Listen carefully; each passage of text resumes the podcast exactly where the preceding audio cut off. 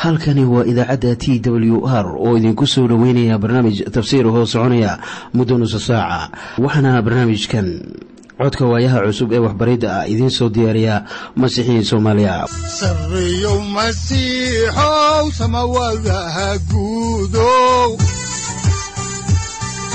Siraadkii adduunkow subanaha eebow sareyow masiixow samawadaha guudow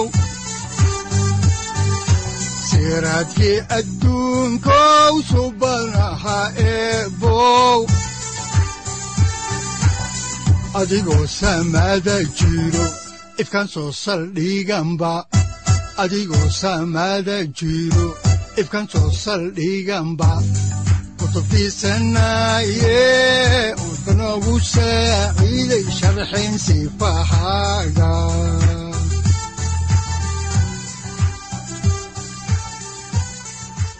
ku soo dhowaada dhegaystayaal barnaamijkeenna dhammaantiinba waxaannu horay u sii ambaqaadi doonnaa daraasaadkii la magac baxay baibalka dhammaantii. Waxaannu caawa idiin sii wadi doonnaa kitaabka axdiga cusub injiilka sida luukas uu u qoray cutubkiisa labaad. Waxaanse ugu horraynta jeclaan lahayn inaad wada dhegaysataan qhasiidadan soo socota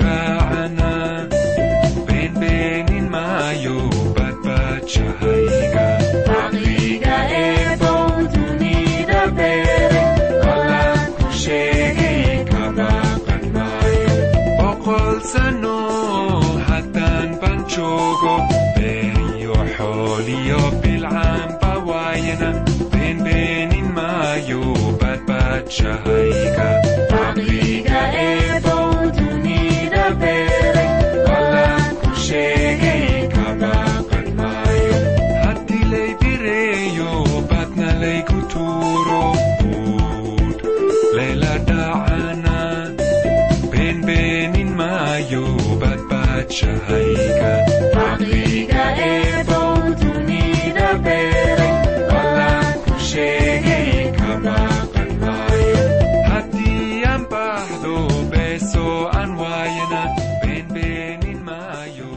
markii noogu dambaysay waxaannu idin akhrinay injiilka sida luukas uu u qoray cutubka labaad aayadaha sagaal iyo labaatan ilaa laba iyo soddon.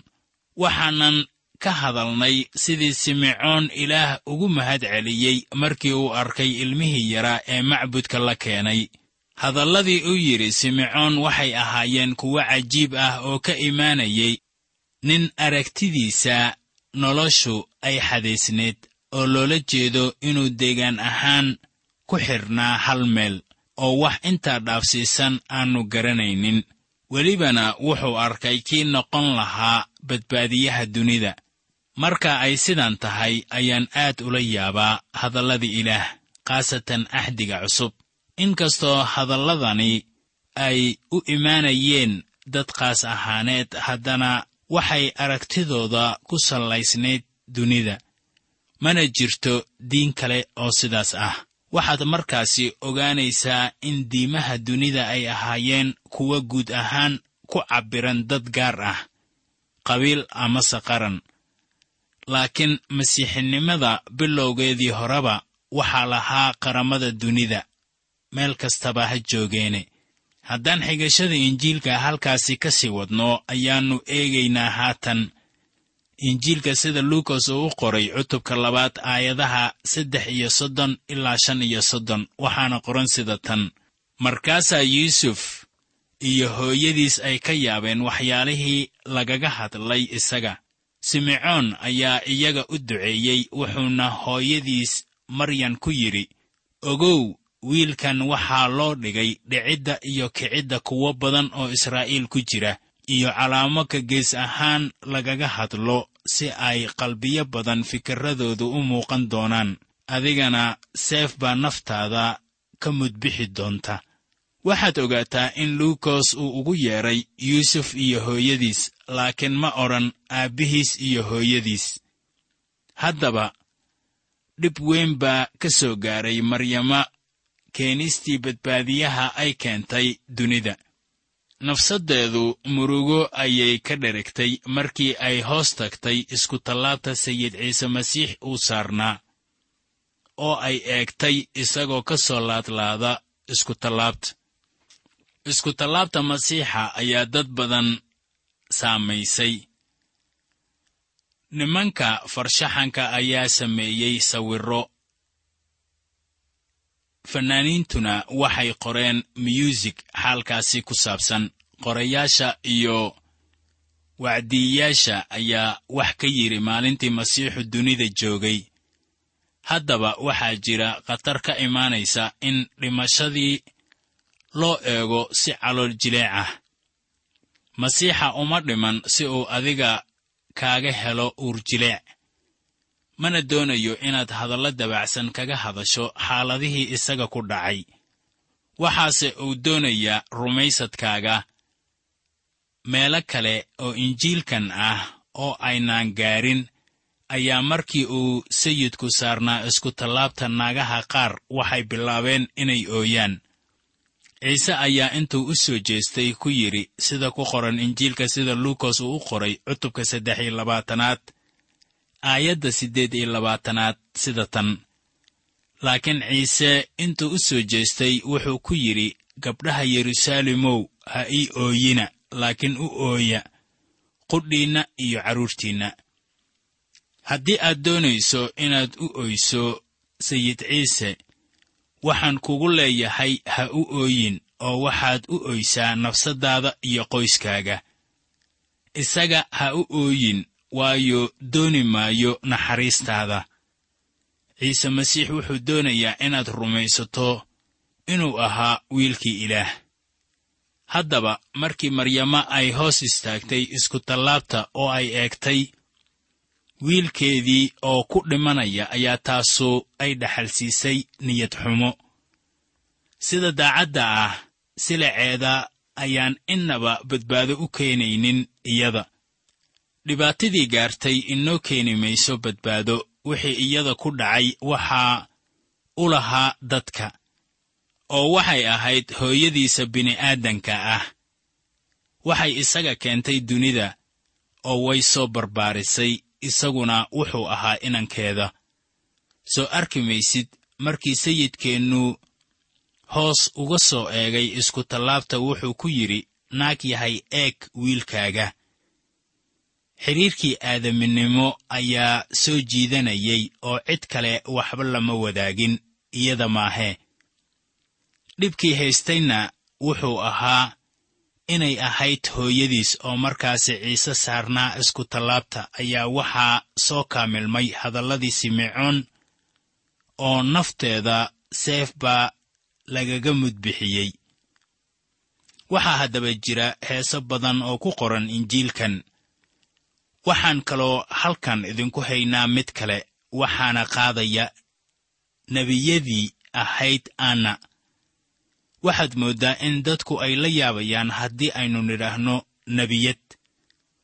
Waayo waxay aaminsan yihiin in nin keliya uu nebi noqon karo. Aynu eegno wixii ay tidhi innagoo eegayna injiilka sida luukas uu u qoray cutubka labaad. Aayadaha lix iyo soddon ilaa siddeed iyo soddon. Waxaana qoran sida tan. Waxaa jirtay nebiyad aanna la odhan jiray ina fanuu'eel oo ahayd qoladii aseer. Wayna da'weynayd nin bayna la jirtay toddoba sannadood bigradnimadeeda dabadeed. Waxayna ahayd carmal xataa afar iyo siddeetan sannadood macbudkana kama ay tegin laakiin ilaah ayay soon iyo salaad habeen iyo maalinba ku caabudaysay. Saacaddaas qudheeda ayay soo gashay oo ilaah u mahadnaqday oo kuwa furashada yeruusaalem sugayey oo dhan ayay xaggiisa kala hadashay.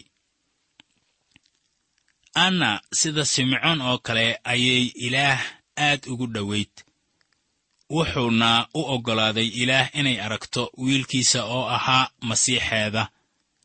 Markaasay iyana ka mahad celisay inkastoo aan midhaha heeskeeda halkan lagu qorin laakiin wuxuu ahaa hees ammaan ah.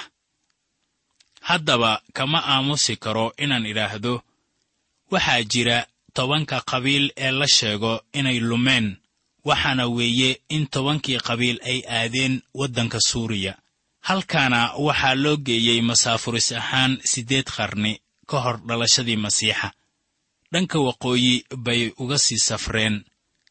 Intii ay ku soo noqon lahaayeen dhulka israa'iil. Haddii aad baaritaan ku samayso baibalka wakhtigii ay reer banu israa'iil ku soo noqdeen dhulka kadib markii ay maxaabiisnimada ka soo noqdeen ayaad arkaysaa qabiiladii israa'iil oo dhan oo dhulka joogay halkan anna ayaa lagu sheegay oo ahayd haweenay ka mid ah qabiilka reer aasheer markaana way iska caddahay in anna ayan lumin. Qisada matayos uu inoo sheegayo ee tan ku xigta waxay ahayd in ciise loo qaaday masar. Luukos wuu masaxay qisadaas gebi ahaanba. Waxaa markaasi wanaagsan in la xusuusnaado danta loo qorayo injiil waliba inay kala duwan yihiin. Injiilka sida matayos uu u qoray ayaa dadka loo barayaa ciise sida inuu yahay boqor. Luukos ayaa isna dadka u baraya in ciise uu yahay ninkii kaamilka ahaa ee la sugayey imaanshaha nimankii xikmadda lahaa ayaan boos ka helaynin danta luukos uu u qorayey injiilkan. Nimankii xikmadda lahaa waxay raadinayeen boqor haddaba giriigtu boqor ma ahan waxay doonaan markaana luukos wuxuu isaga u barayaa sida inuu ahaa nin kaamil ah. Waxaad ogaataa sida xaalkaasi uu u sii wado. Haddaan halkaasi ka sii wadno ayaa waxaa ku qoran injiilka sida luukos uu u qoray cutubka labaad aayadaha sagaal iyo soddon ilaa afartan sida tan. Goortay wax walba dhammeeyeen sida sharciga rabbigu leeyahay waxay ku noqdeen galiilii ilaa magaaladoodii naasaret. Wiilkii ayaa koray oo itaal weynaaday. Waxaana ka buuxsantay xikmad ilaah nimcadiisuna way dul joogtay.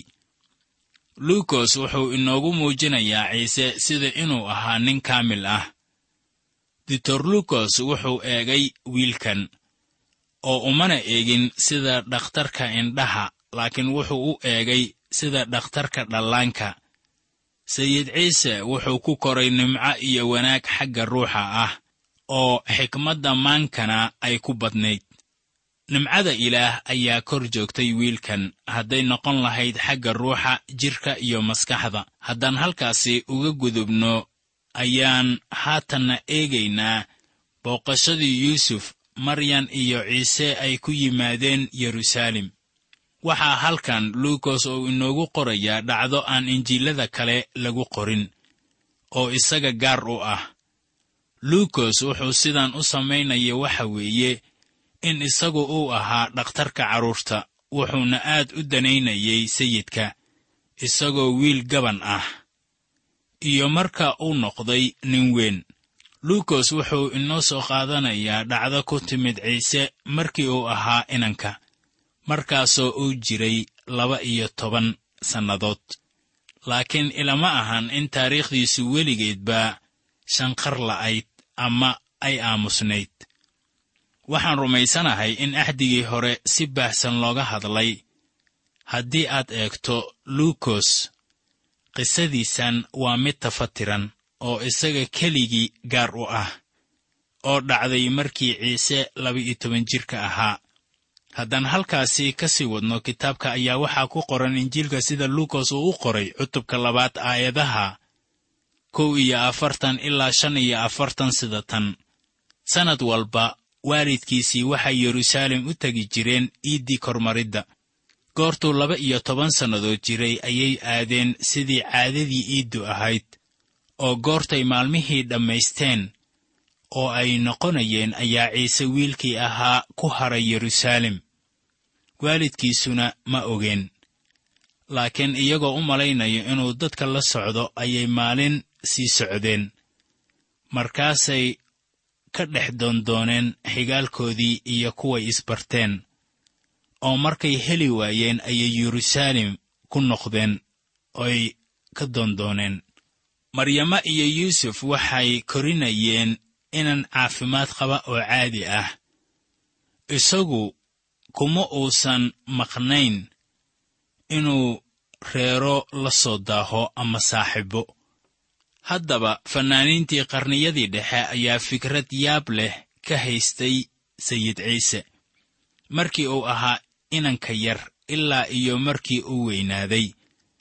Markaana ma rumaysni inuu shaabbahay fikrad ahaan sida dadka kale ay ahaayeen wuxuuse ahaa qof caadi ah.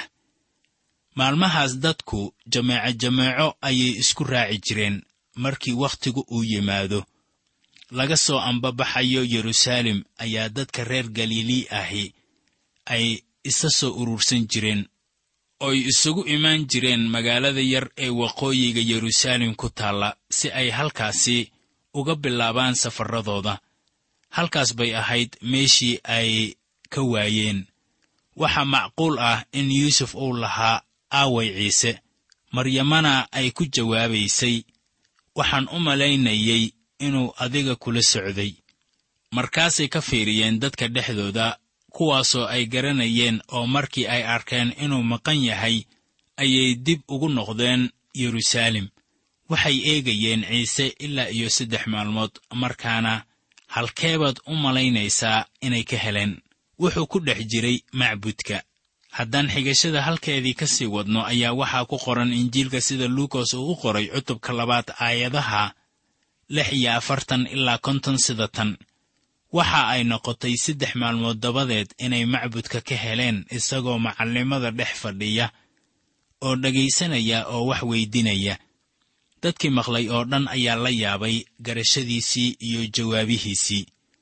Goortay arkeen isagii way la yaabeen oo hooyadiis ayaa ku tidhi wiilkaygiiyow maxaad sidaas noo yeeshay? Bal eeg aniga iyo aabbaha caloolxumo waannu kugu doondoonnay. Markaasuu wuxuu ku yidhi maxaad ii doondoonayseen miyaanad ogayn inay igu waajib tahay inaan danta aabbahay ku jeedo. Laakiin way garan waayeen hadalkii uu kula hadlay. Markii maryamo iyo yuusuf ay isagii haddaba ka heleen macbudka wuxuu ku dhex jiray wadaaddada iyo macallimada macbudka isagoo su'aalo weydinaya. Sida caddaanka ah wuxuu iyaga weydinayay su'aalo ayaan ka jawaabi karin oo waxa aad ugu yaabiyey jawaabihii uu siiyey. Waxaanad xusuusataa inuu jiray markaasi laba iyo toban sannadood. Waxaan u malaynayaa inay caddahay in maryamo iyo yuusuf uu ka caraysiiyey. Jawaabtiisii ayaa laga dhex arkayaa inayan iyaga garan inuu sameeyo danta aabbihiis haatan haddii yuusuf uu ahaa aabbihiis uu soo dhex geli lahaa oo uu odhan lahaa war maxaad ku hadlaysaa? Ma howl nijaarnimo ah ayaad ka haysay yeruusaalem haddaba isagu ma uusan haynin howl nijaarnimo ah. Aabbihiina ma ahayn yuusuf. Wuxuu markaasi ka hadlayaa hawsha aabbihiisa samada ku jira. Maryama markuu xaalku intaasi joogo ayaanay innaba war iyo wacaal u haynin cidda uu ahaa iyo waxa ay shaqadiisu ahayd. Laakiin waxyaalahan oo dhan ayay qalbigeeda kaga fikiraysay. Haddaan halkaasi ka sii wadno xigashada kitaabka oo aannu eegno aayadaha konton iyo kow ilaa konton iyo labo ee cutubka labaad waxaa qoran sida tan.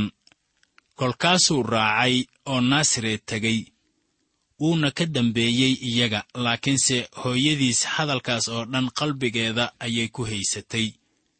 Ciisena wuxuu ku koray xigmad iyo dherer iyo nimco ilaah iyo dadka hortooda.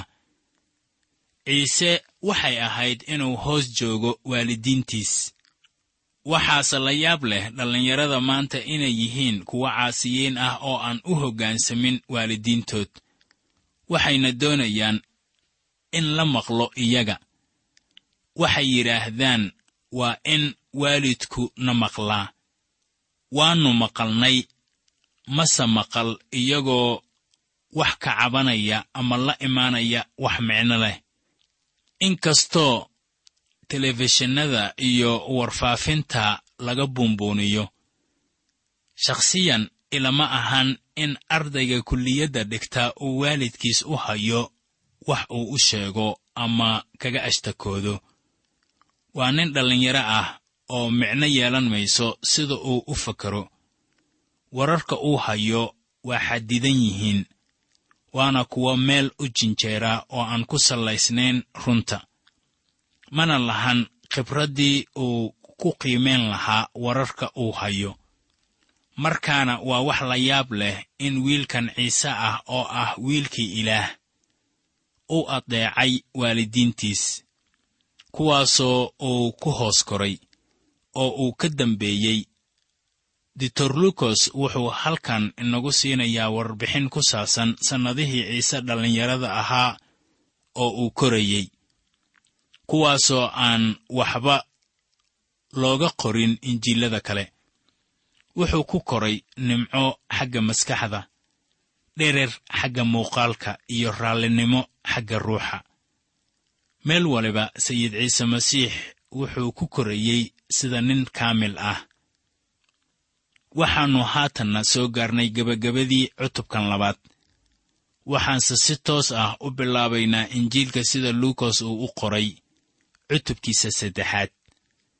Haddaba mawduuca cutubkan saddexaad wuxuu ka hadlayaa maquuriskii yooxanaa baabtiisaha maraggii masiixa herodos oo xabisay yooxanaa baabtiisaha ciise masiix oo la maquuriyey oo xagga samada looga marag furay. Iyo abtirkii ciise masiix iyadoo la raacaya yuusuf oo ahaa sida la wada rumaysan yahay kii soo koriyey. Luukos oo xaalka u soo bandhigaya hab taariikhi ah ayaa taariikhaynaya yooxanaa baabtiisaha isagoo raacaya taariikhda caadiga ah. Wuxuu markaasi adkaynayaa farriinta yooxanaa baabtiisaha ee towbadda inay tahay shuruudda imaanshaha masiixa. Marka qaabka sharci ahaaneed ee ka mid ah sharcigii muuse ee weysada biyaha oo ahaa dhaqan soo jireen ah waagaas ayaa yooxanaa dadka biyo uu ku maquurinayaa kuwaasuna waa kuwa ugu yimaada inay maankooda beddelaan iyagoo soo dhowaynaya imaanshaha masiixa. Masiixa waxaa maquurinaya ruuxa quduuska ah taasuna waa isbeddel dhab ah. Haddaba abtirka ku qoran cutubkan waa kii maryama kaasoo muujinaya laba xaqaa'iq. Kan koowaad abtirku wuxuu dib ugu noqonayaa aadan oo ah kii laga soo farcamay.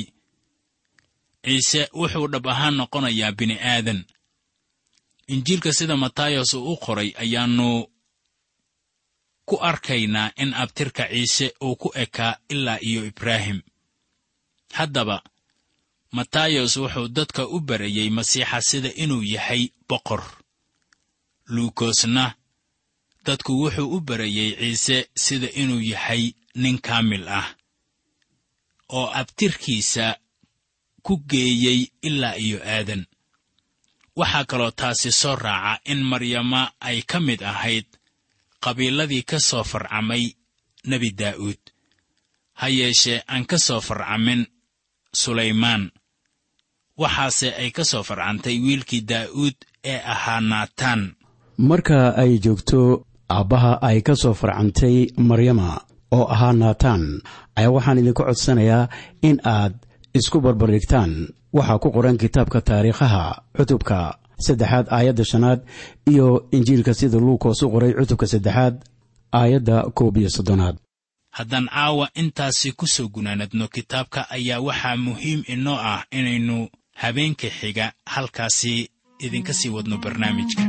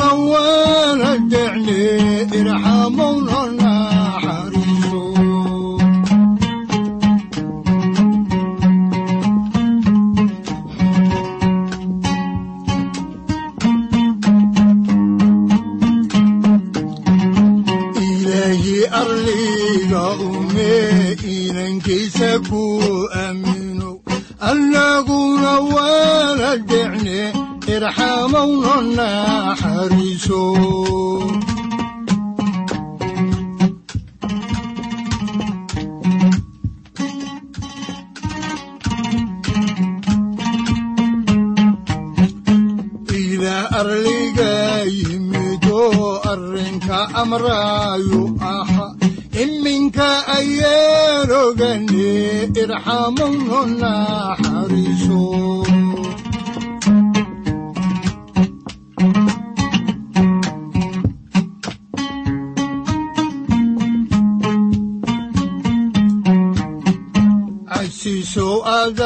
casumo cunugagi ugu ciyo carshigaga ceedga siiye irxamowno naxariiso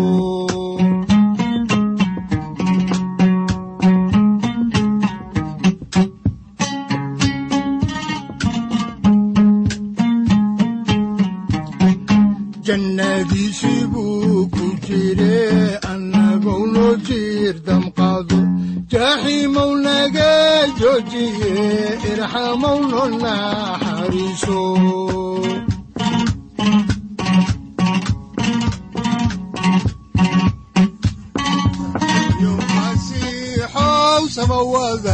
guudow siraadkii adduunkow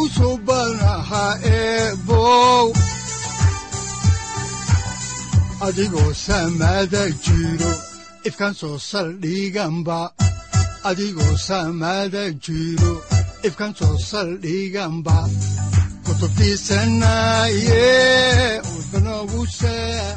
halkani waa t w r idaacadda t w r oo idinku leh ilaa ha idin barakeeyo oo ha idinku anfaco wixii aad caawi ka maqasheen barnaamijka. Waxaa barnaamijkan oo kalea aad ka maqli doontaan habeen dambe. Hadahan oo kale haddiise aad doonaysaan in aad fikirkiina ka dhiibataan wixii aad caawi maqasheen ayaad nagala soo xiriiri kartaan som t w r at t w r c o k e. Haddii aad doonaysaan in aad dejisataan oo kaydsataan barnaamijka ama aad mar kale dhegaysataan fadlan mar kale booqo www t w r o r g. Amase waxaad teleefoonkaaga ku kaydsataa ama ku download garaysataa agabyada ku sahli karaa dhegeysiga t w r haddii aad doonayso in laga kaalmeeyo dhinacyada fahamka kitaabka amase aad u baahan tahay duco fadlan fariimahaaga soo mari bogga aaraahda ama kommentska inana jawaab degdeg ah ayaanu ku soo diri doonaa amase ku siin doonaaye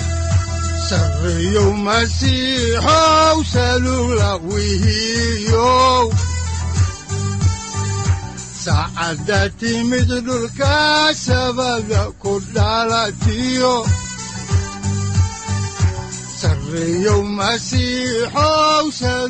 halkani waa t w r oo idiin rajaynaya habeen baraare iyo barwaaqaba leh.